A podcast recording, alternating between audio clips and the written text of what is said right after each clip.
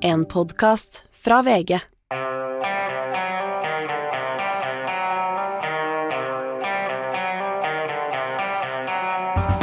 Ikke visste jeg at alle disse dagene som kom og gikk, de var selve uke 49.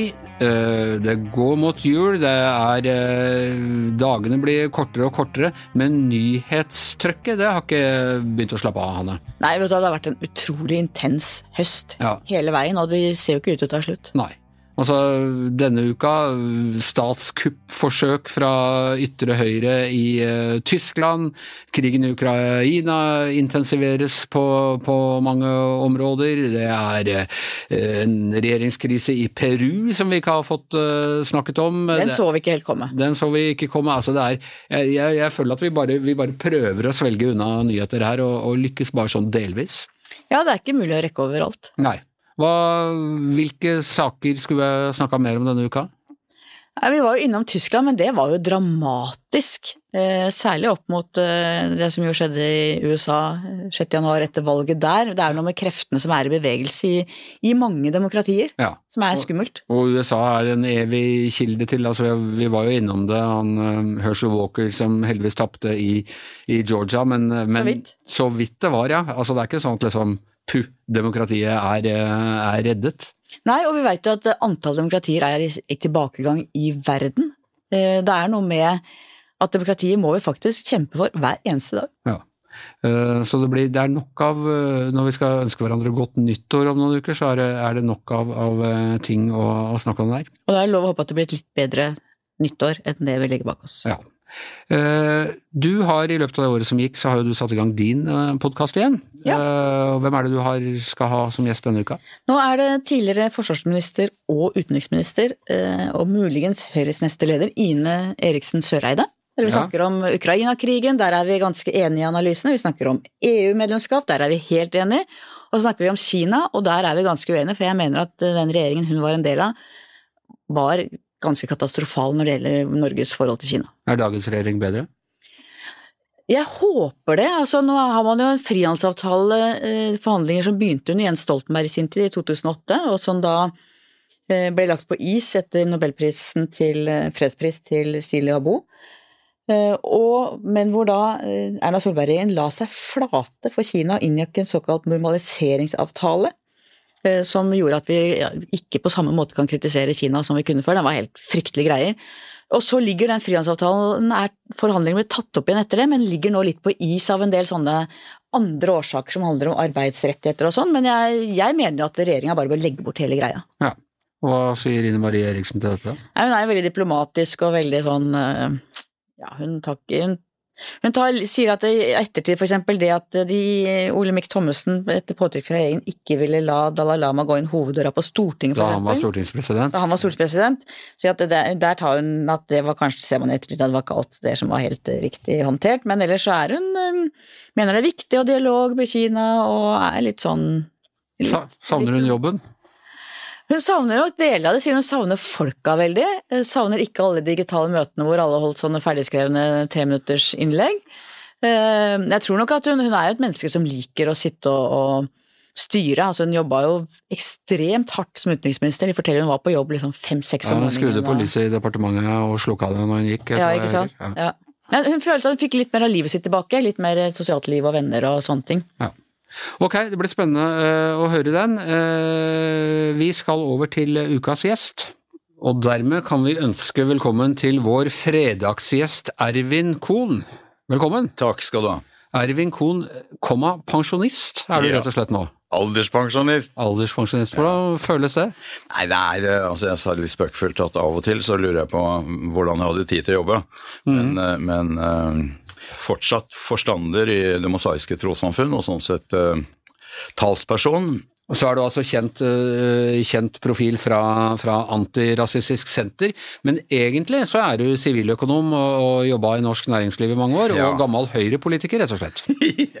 Ja, altså unge høyrepolitiker. Ja. Unge høyrepolitiker. Det, jeg har funnet i arkivet innlegg fra den unge Ervin Kohn tidlig 70-tallet, som snakker om norsk utenrikspolitikk sett fra Grorud Høyre. Jeg satt i distriktsstyret i eh, Oslo Unge Høyre under Hans Henrik Ramm Per Christian Foss. Og, uh, Hele den generasjonen? Hele den generasjonen, ja. Så det var spennende. Men uh, jeg ble aldri noen politiker på, på seniornivå. Nei. Nei. Men opprinnelig, altså, uh, så er du jøde fra Ungarn. Ja. Og der er du født og bodde de første årene av ditt liv? Det gjorde jeg. Så mine foreldre er fra en by som heter Sigget i Romania, men det var altså et ungarsk etnisk område, så de snakket ungarsk. Og da var det altså da de kom tilbake eh, etter krigen. Eh, begge mine foreldre overlevde holocaust og kom tilbake til Siget, så var det ikke mange igjen. Eh, da var altså joint distribution der med sånn suppekjøkken, og det var liksom, de forsøkte å finne ut av hvem som hadde overlevd, og så var det rett og slett veldig få. Så dro de til Budapest. Og uh, ja, Du sier at dine foreldre overlevde, men det gjorde uh, langt fra hele slekta di? Nei, hele slekta mi ble drept omtrent, så jeg gjorde sånn regnestykke en gang, et overslag. Og uh, hadde de ikke blitt drept i holocaust, så hadde jeg hatt 145 fetter og kusiner, og jeg hadde fire. Ja. Så, så, hele omtrent. Så min far var liksom yngst av 13 barn, og han eneste som overlevde. Og min mor med tre søsken overlevde, de var tolv unger.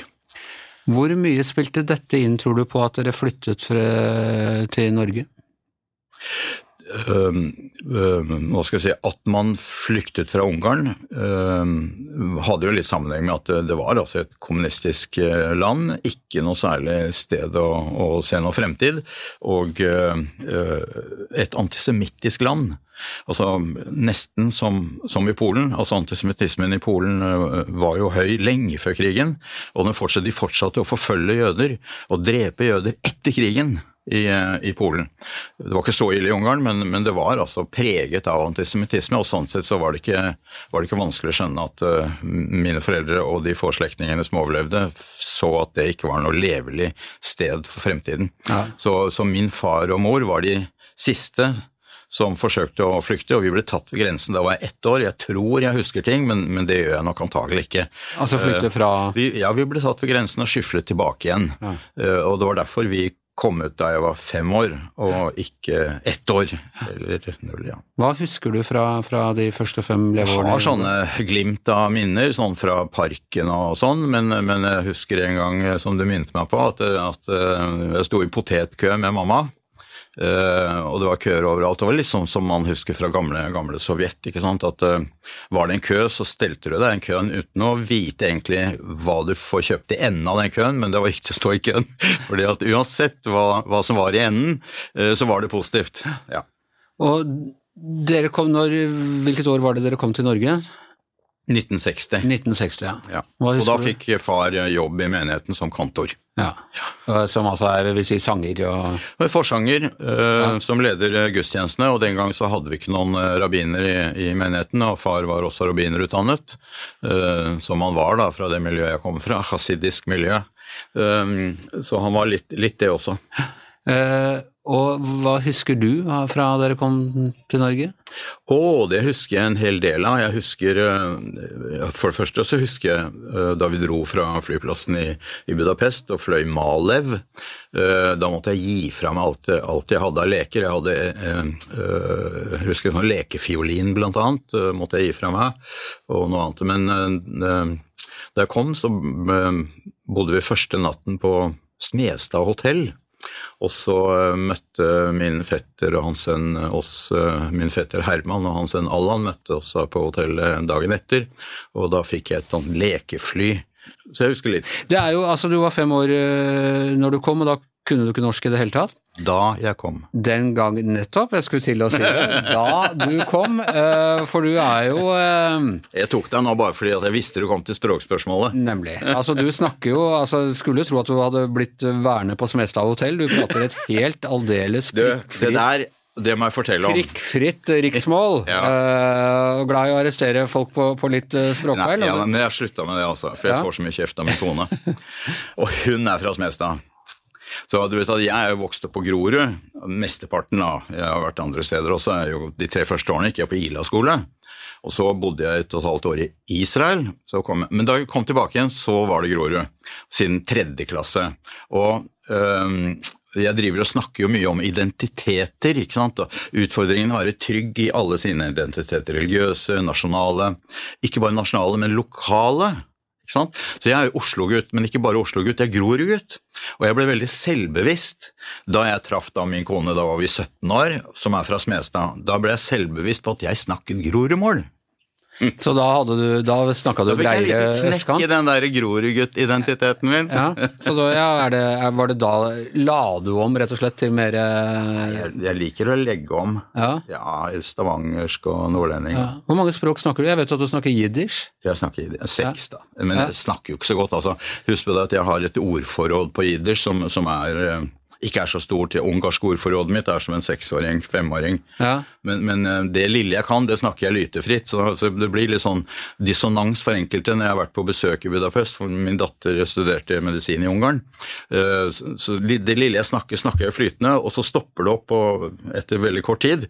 Så da må jeg slå over til engelsk, f.eks. Og da blir de veldig forvirret, for de tror jeg er innfødt. Viktig er det er, men språket mitt er jo ikke det Språket utvikler seg, ikke sant? så jeg har jo problemer med å følge med en nyhetssending på ungarsk, f.eks. ja. Ja. Hva med jiddisch? Hvordan får du praktisert det? Det får jeg ikke praktisert. Nå underviste jeg litt da i forrige uke til barna i, i religionsskolen vår, men, eh, men eh, jeg snakker jo, leser og skriver jiddisch. Jeg er det eneste i landet da, som gjør det. Så jeg har jiddisch som morsmål. Men, og da bruker du det mest i, i religiøse eh, Nei, nå fikk jeg sånn? akkurat I går fikk jeg et eh, sånn gammelt brev som min far sendte da han flyttet til Amerika, til mor og meg, på jiddisch. eh, maskinskrevet. Ja, for de kommuniserte på jiddisch? Ja, det var jo med meg. Ja. Kom med meg Ja, med det, ja. Min far eh, stakk av til USA da jeg var tolv, og så korresponderte vi. Og jeg fikk jo kjeft hvis jeg ikke skrev i hvert fall en halv side på jiddisch. Ja. Så det var sånn du holdt det ved like? Ja. Og så er det jo engelsk og ut fra? Tysk, Ja. da, eller? eh, Ja, tysk i og med at jeg, ja, jeg hadde, Ja. hadde det på skolen. Og så, ja. eh, Men med alle disse identitetene, eh, hvilken kjenner du deg sterkest knyttet til, eller glir du liksom sømløst mellom de forskjellige? Sømløst. Ja, Ja, Fars identitet, bestefars identitet. Ja. ikke sant? Men da jeg ødela språket mitt, det var da jeg studerte i Sverige. Det var katastrofalt, Ja. fordi at de språkene er så like. Også på visse områder så er det forskjeller. Altså, doble konsonanter, f.eks. De har skrevet att med to t-er. ja. Ja. Men eh, du, er, du har altså, som du sa, du kommer fra en ortodoks eh, jødisk familie, og, og du følger eh, de religiøse Det er utrolig mye regler dere jøder har for, for religiøs Det er mange eh, regler, det er, ja. og det er mange samtaler som bare dreier seg om de reglene. Ja. da. Nei, men det viktigste kan du si, i, som er helt sentralt, det er sabbatreglene, reglene forbundet med sabbaten, og kashrut, altså spisereglene. Eh, Så hjemme har vi et, eh, et eh, kosherkjøkken, og der er det bare korsermat som serveres, naturligvis. Og så er jeg i synagogen hver lørdag dersom jeg er i Oslo, og ikke i Sandefjord, hvor vi har hytte. Men så er jeg altså, jeg overholder jo ikke alle sabbatregler. Nei. Nei. Spiser du svin? Nei, altså, det, altså hjemme gjør jeg ikke det i Nei. det hele tatt.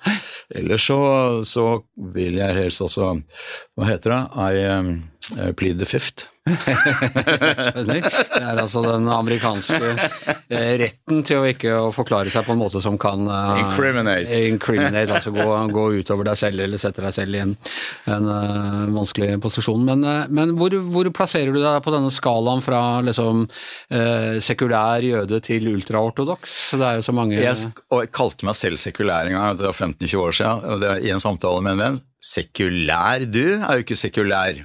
Så, så der er det delte meninger om, om hvor grensene for, eh, for sekularitet går. Ja. Så i dag vil jeg ikke si at jeg er sekulær, nei. Nei. nei. Tradisjonalist? Altså, jeg tilhører en menighet som er en ortodoks menighet, men, men den ortodoksien er da funnet frem til at vi ønsker å ha én menighet i Oslo. Og det har vi klart siden krigen, og det er veldig utypisk uh, for jødiske samfunn. At det bare er én menighet i en hovedstad. Ikke sant? I Kristiania på 20-tallet så hadde vi fire jødiske menigheter med færre jøder i byen. Ja. Ja. Så øh, det er mer typisk. Du har hørt historien om han som havna på en øde øy? Eh. Nei! Nei, ikke den du skal fortelle nå, tror jeg. Det var en, som, en jøde som havna på en øde. Var der tre og et halvt år før han ble reddet av et cruiseskip. og I land går da denne kapteinen, og så ser han at eh, fyren har bygget mye rart hus og uthus. Og så to synagoger! Og så spør han eh, denne jøden, skipbruddende jøden hvorfor i all verden altså Jeg ser du er flink til å bygge, men hvorfor to synagoger? Du har bodd her mutters alene i tre og et halvt år. Hvorfor har du bygget to synagoger? Og da peker han. Ser du den synagogen der borte? Ja, sier kapteinen, der setter ikke jeg min fot.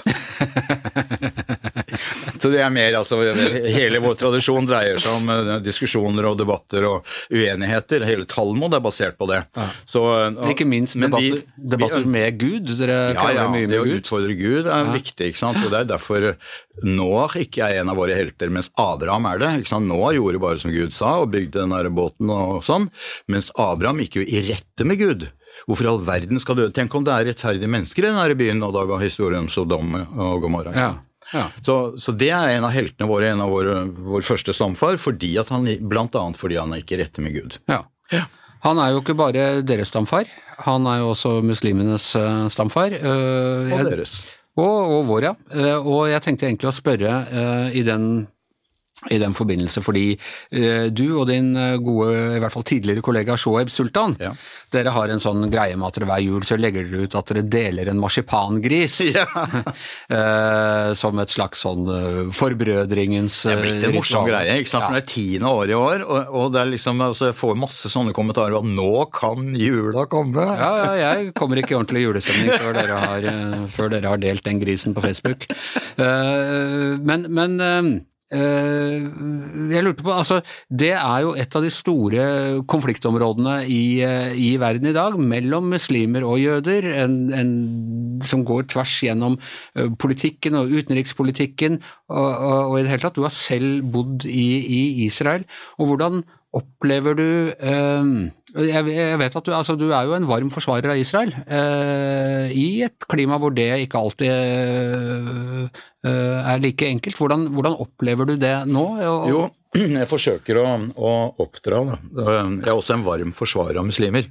Så Nemlig. Bare i forgårs kveld så, så, var det tre paneldebatter da, i uh, Rabita-moskeen. Uh, og jeg har skrevet masse artikler uh, hvor jeg går i rette med med de som forsøker å nøre opp under denne antipatien ja. Eh, mellom muslimer og jøder, som i mange sammenhenger er fiktiv. Jeg går i rette med alle de som snakker om religionskonflikter også, fordi at ja, verken Nord-Irland eller, eller, Midtøsten dreier seg om religionskonflikt. Så, så, det dreier seg om andre ting, enten det er territoriet eller det er ja. Så øh, jeg syns det er viktigere å peke på hva er det vi har felles, og når du sier at ja, det startet med at vi har en felles stamfar, ja, så har vi veldig mye annet felles. Jeg holder akkurat på for, øh, for tiden og så leser, leser Koranen, selv om jeg gjør det alene, og det skal man helst ikke gjøre. Så gjør jeg nå det da for å, for å få sjekket ut ting. Og Noe av det jeg merket meg, det er at helt til når du leser begynnelsen av Koranen, så er det nesten som at man uh, har som et premiss at vedkommende har lest Mosebøkene. Ja. ja. og Det er litt artig. Det fikk meg til å reflektere over at uh, det er den tredje av de tre monoteistiske religionene, islam. Og den bygger jo naturligvis, akkurat som kristendommen, som har altså appropriert hele jødedommen. Uh, det var det, det ordet jeg søkte, altså jeg vil ikke kalle det religiøs appropriasjon, men den bygger på. Den bygger på jødisk tradisjon. Og, og, og, sånn sett så har vi i utgangspunktet mye felles. Og så har muslimer og jøder veldig mye mer til felles på, på, på en del områder eh, enn jøder og kristne f.eks., selv om kristendommen har inkorporert hele vår bibel. Ikke sant? Ikke bare de fem Mosebøker, men også alle profetene og skriftene. altså Skriftene er sånn Salmos høysang, eh, Esters bok eh, osv. Så, videre. så øh, og det som er mest iøynefallende, det er at eh, mens kristendommen er en veldig veldig spirituell, eh, en religion som legger vekt på det spirituelle. Og det, sånn språkmessig så snakker vi om tro i Norge. Vi snakker om i hvilken grad er det troende f.eks., eller trosfrihet. Mens jeg snakker ikke om trosfrihet, jeg snakker om religionsfrihet. Og det som skiller våre religioner, er at eh, mens kristendommen er er veldig fokusert på spiritualitet, så er våre to religioner praksisorienterte. Så og det forstår ikke alle med norske lutherske referanserammer, at når man griper inn i jøder og muslimers praksis, så griper man inn i religionen deres, og man griper inn i religionsfriheten. Og det merket vi veldig under de opphetede årlige debattene om eh, tidlig mannlig omskjæring, det som jeg også heter Britt Mila, eller øh, øh, jødisk mat. Altså, vi holder oss fortsatt med en antisemittisk øh, slaktelov i Norge. fordi den ikke godkjenner Fordi at den ikke tillater oss å slakte på jødisk vis. Mm. Den kom til i 1930. 1.1.1930. Fire, av, fire år før Nazi-Tyskland ja. fikk sin Som en del av hva skal du spørre om? Ja, Som en del av den antisemittiske bølgen på 30-tallet? Ja. Riktig, men ikke som en del av dyrevelferdsgreia. Selv om det var en del av argumentasjonen den gangen. Mm. Men 1930 er altså fem år før Norge fikk sin første dyrevelferdslov, så vi hadde ikke tid til å vente på den. Nei. Før vi fikk tatt jødene lite grann. Ja. Ja. Eh, det, det, kom et ny eh, undersøkelse denne uka, Holocaust-senteret vel, som, som, sjekker holdninger til eh, muslimer og jøder. Ja.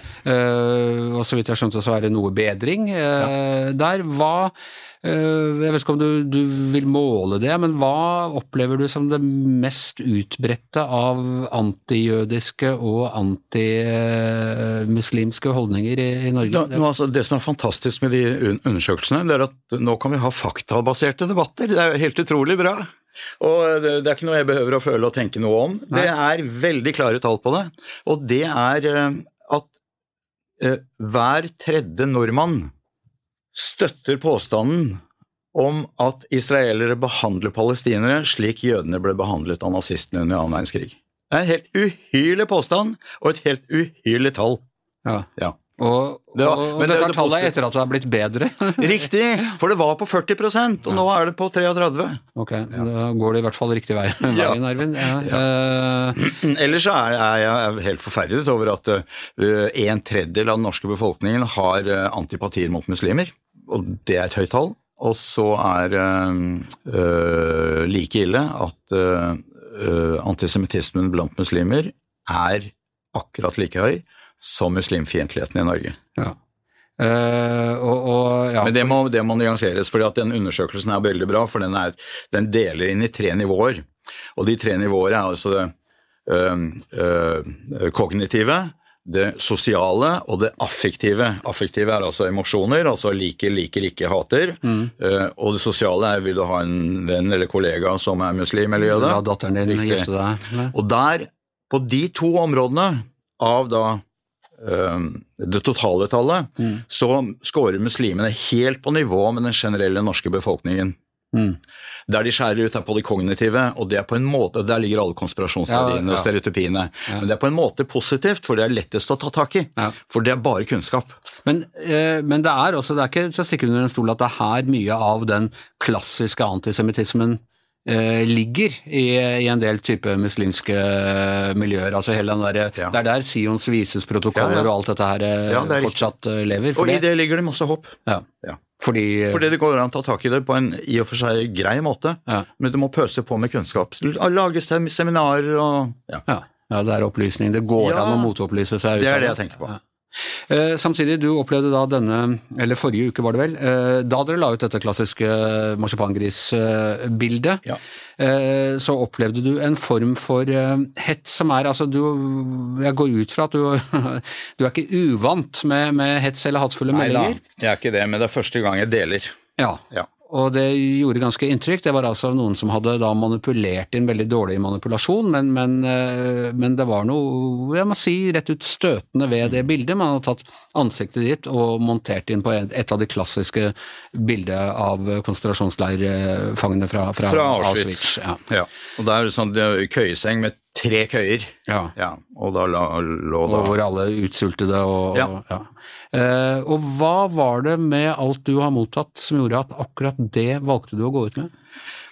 Ja, det var altså det en, en, eh, si, relativt profilert uh, nynazist, uh, jeg gidder ikke å si navnet hans, men, men som har vært aktiv innenfor det man kaller alternative medier her i, her i Norge. Så Jeg visste jo ikke hvem det var på det tidspunktet, men, men det traff meg pga. min personlige historie.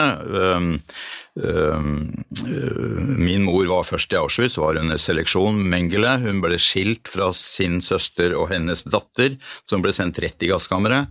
Jeg ikke sant, jeg er første generasjon etter, jeg vet ikke om du kaller det annen generasjon, men, men min mor var jo syk hele sitt liv etterpå. Uh, årlig inne på Vinneren psykiatrisk og ja, tre selvmord. Så jeg har en historie, jeg har en bagasje på dette.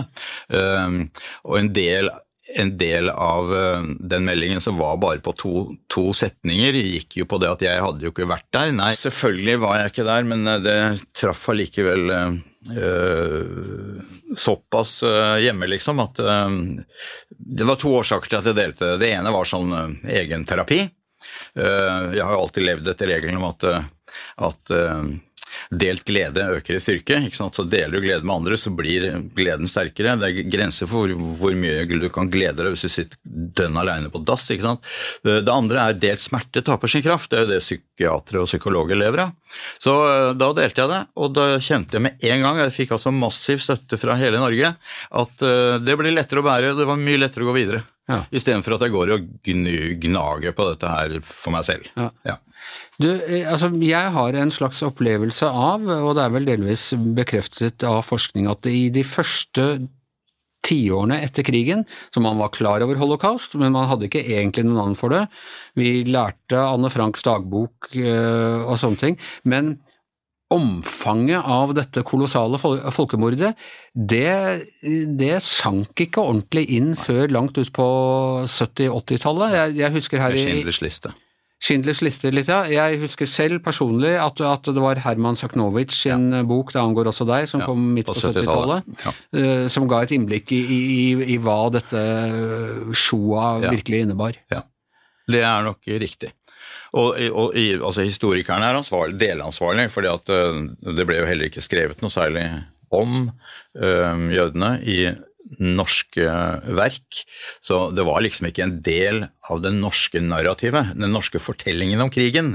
Da var ikke den største forbrytelsen en del av det i det hele tatt. Men i dag så snakker vi om det norske holocaust, og vi snakker om holocaust i Norge. Og i dag så ser man i større grad på uh, at den holocaust i Norge også er en del av den norske fortellingen om krigen. Hva tenker du om denne debatten rundt Marte Michelets bøker? Der var jeg jo delvis, eh, delvis, eh, delaktig, og eh, det er interessant å se på en del av de reaksjonene fra de gamle historikerne, og noen nye. Hvilken liksom De gravde seg fort ned i noen sånne grøfter, og gikk i forsvar. Marte Michelet peker på noe uansett hva man kan si om, om å finne, finne, feil i boken hennes, som man, liksom, man hadde gått etter med lupe, så er hovedbudskapet hennes det står seg veldig, veldig godt. Det var riktig. Ja. Men opplever du at vår øh, forståelse øh, av dette øh, øker? Øker. Ja. Men det er fortsatt mye forskning som gjenstår, ikke minst på den økonomiske likvidasjonen. Ja. Nå har det akkurat kommet en bok av en venn av meg som heter Harry Rødner, uh, under til litt sånn utfordrende tittelen 'Sviket', som fokuserer på London-regjeringen og kong Haakon. Ja, og så har man også gått inn en bok av hun Bodil Stenseth som vel kom i år, og sett på en konkret familie og hvordan, ja. hvordan de rett og slett ble plyndret for sine eiendeler. Ikke bare Så har vi en del sånn historie, altså det som altså Antisemittismen i Norge den har vi hatt i hundrevis av år. Det er noe av det som kjennetegner antisemittismen. To av de tingene. Dels er det altså en historieforfølgelse som daterer seg tilbake 2500 år. Det andre er at den krever ikke jødisk tilstedeværelse. Altså, øh, vi hadde jo ikke noen jøder her før 1814 heller. Uh, allikevel så var for eksempel i 1905, da vi skulle liksom bygge det norske, så var jøden, i anførselstegn, forestillingen om jøden veldig god å ha eh, som antitesen på det eh, som var det motsatte av det å være norsk. Ja, Det var det fremmede og det Ja, også alle de stereotypiene. Du vet at antisemittismen er en ekstremt fleksibel fordom. Eh, alt er puttet inn i der. De er ansvarlige for modernismen, og de er altfor gammeldagse på den annen side. ikke sant? Det er to motsetninger. De er altså både ansvarlige for kommunismen og kapitalismen. Og, eh, ikke sant? Altså, Bondepartiet drev jo valgkamp på 30-tallet og argumenterte mot Arbeiderpartiet og kalte dem jødebolsjeviker. Og så snudde de seg og argumenterte mot Høyre og kalte dem jødekapitalister. Så det, så vi hadde hatt altså antisemittisme i Norge. Fordommene mot jøder var her. Og så er de skumle når fordommene dine blir fòret av frykt. Da får du en veldig potent kombo som da kan gå over i hat. ikke sant? Og Vi var en, en, har vært da, en foraktet minoritet i Norge, som Martin Michelet skriver, i lang tid før krigen. Så nazistene kom ikke til Norge med antisemittismen. Den hadde god grobunn i Norge. Etter krigen opplevde du antisemittisme ja, det var det jeg du, skulle fortelle. At etter krigen så fortsatte det. For rettsoppgjøret var et low point i norsk rettshistorie. Det er ingen som ble dømt for noe med, med øh, den største forbrytelsen. Og han ene som ble dømt, var Wagner. Han ble dømt til døden. Men så ble han da av Høyesterett Altså Wagner Wilhelm Wagner, som var den øverste tyske ansvarlige for den norske holocaust. Så hadde du noen nordmenn som også var ansvarlig, men han var den eneste. Han ble dømt til døden. øh, og så ble han benådet av Høyesterett, og så ble han bare etter bare han ble, øh, Den ble opphevet til 20 års straffarbeid. Og så ble han utvist til Tyskland etter fire år. Ja. Så har vi andre sånne, sånne Opplevde du, noe, opplevde du antisemittisme på 60-70? Nei, og det har jeg sagt nå i, i, dag, når, når jøde er et av da, de ordene som brukes som skjellsord i norske skolegårder. Det er altså fem mest forekommende skjellsord. Det er neger, jøde, hore, homo ja. Eh, Det opplevde ikke jeg på 60- og 70-tallet i norske skolegårder. Nei, så det har kommet tilbake. Det har kommet tilbake. Ok, eh, men du tror eh, du er, eh, du er fremtidsoptimist i forhold til at opplysning og Veldig optimist. Og, og sånn, fordi vi ser jo altså Det var et Denne uken så har vi sett et avverget et planlagt, jeg vet ikke hvor profesjonelt det ville vært, statskupp i, Ja. i Tyskland. Ja. Vi hadde en mobb som stormet i USA. Ja. Stormet nasjonalforsamlingen der med alle disse ko-ko konspirasjonsteoriene som egentlig Ja, ja. kommer fra antisemittismen. Ja. Det, er liksom, det er ikke bare grunner til å være fremtidsoptimist for tiden, Sånn. Nei, og, og det er ganske skremmende at antisemittismen har blomstret opp i USA. Og det var veldig uvant, og for mange veldig overraskende. For det var jo de som han rømte og var trygg. Ja, ja. Og, så, og, ja. og man trodde at, eh, at eh, Ja. Men det, det er noe av det som skremmer mest. Det var altså 6. januar. Det syns jeg var skummelt. Altså kritisk for eh, demokratiets høyborg USA, liksom. Eh, og at så mange fortsatt tror på løgnen, ikke sant. Altså, men det er viktig å si, altså du som har snakket så mye om Trump. Trump er ikke den som fant opp fake news, for det har vi hatt da så lenge. En av de eldste konspirasjonsteoriene om jøder, det er jo blodanklagen, ikke sant. Det er at de, de kidnapper kristne barn og dreper dem for å bruke blodet deres, ikke sant. I brødet, eller ja, Men blant annet ja. i matse, altså påskebrødet vårt er da et av, et av liksom anklagene. Men altså, hadde man hatt minste, minste kunnskap om jødedommen og hvilket angstbitersk forhold vi har til blod, så hadde man bare avfeid og avvist det. Altså, det er bare tøys. ikke sant? De jødene er jo helt gærne når det gjelder blod, så det tror vi ikke noe på. Men det begynte 1144 i Norwich, begynte den anklagen, og lever i beste velgående den dag i dag. Men en av de kanskje mest kjente øh, blood libel-casene, det er eh, Simon av Trent. Altså en liten toåring som ble, ble, hadde falt ned i en kum, han døde, eh, i 1475 i den norditalienske byen Trento.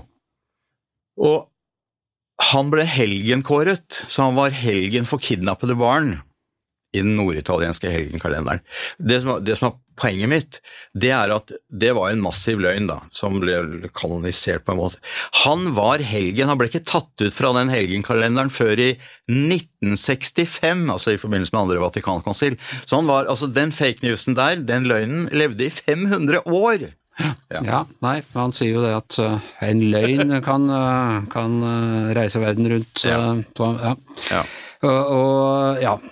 Men uh, uansett, jeg, jeg vil at vi skal slutte med litt fremtidsoptimisme nå når, det- når det går mot, eh, mot jul og, og i det hele tatt. Og, um, hvordan, uh, hvordan feirer du? Feirer du norsk jul, eller er det hanukka?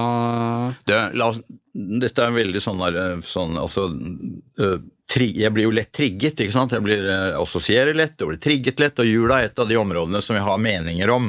Gud, kom med dem. jula er jo en kristen høytid. Og uh, når du spør en jøde feirer du jul, uh, da vil vi etterpå komme inn i hva vi legger i begrepet feire. Men det er klart at for en jøde så vil det være rart å si at man feirer en kristen helligdag. Veldig rart, ikke sant? Jeg er eh, ikke kristen sjøl, og jeg har juletre og Ikke sant? Så, og, og, og det er veldig symptomatisk for hvordan jula er i mange nordmenns bevissthet. Det er at den driver og migrerer fra å være en eh, kristen eh, religiøs høytid til å bli en nasjonal høytid. Mm. Og det er den ikke. Det er en kristen høytid. Så jeg har hatt mennesker på kontoret, eksempel sånn du sitter der du sitter nå, så, og så har jeg i løpet av samtalen sagt ja, men jeg feirer jo ikke jul, vet du. Og så blir det helt dørgende stille. Hva? Jeg trodde du var norsk, jeg. Eh, Ja, jeg er norsk, men ikke en kristen nordmann. Eller en autistisk nordmann, jeg er en jødisk nordmann.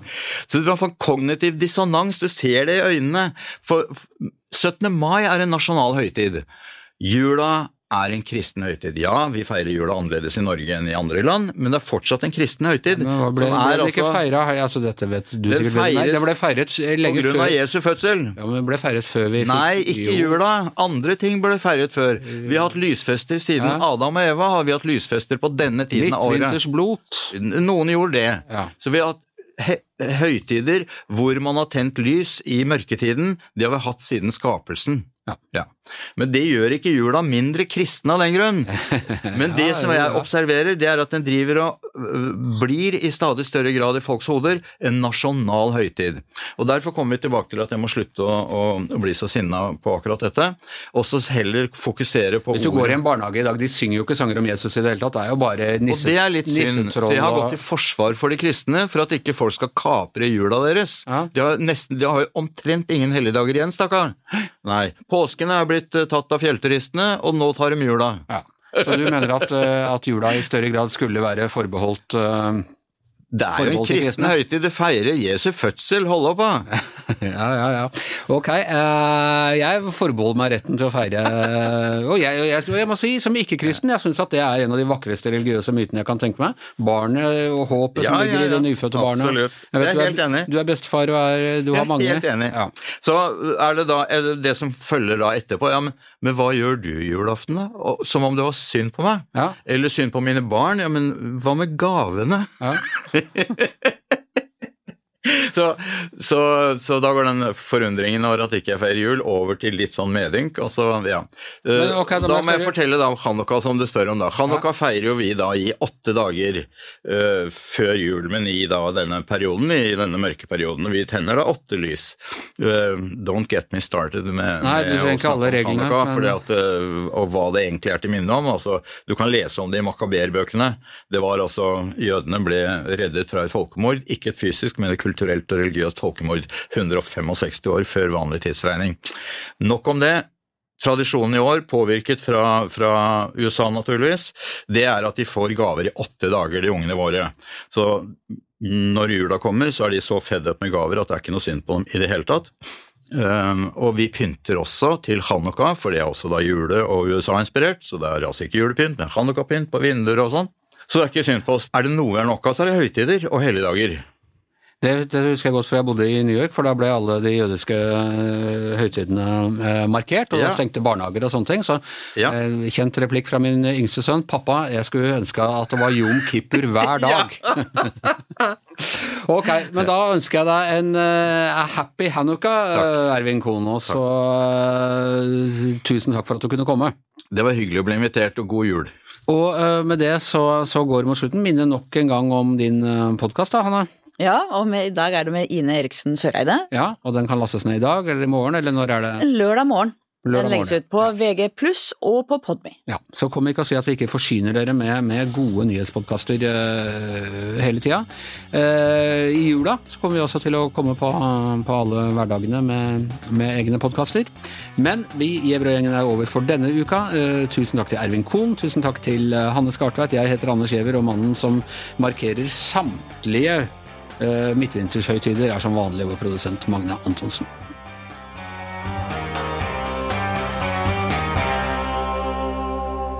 Du har hørt en podkast fra VG. Ansvarlig redaktør, Gard Steiro.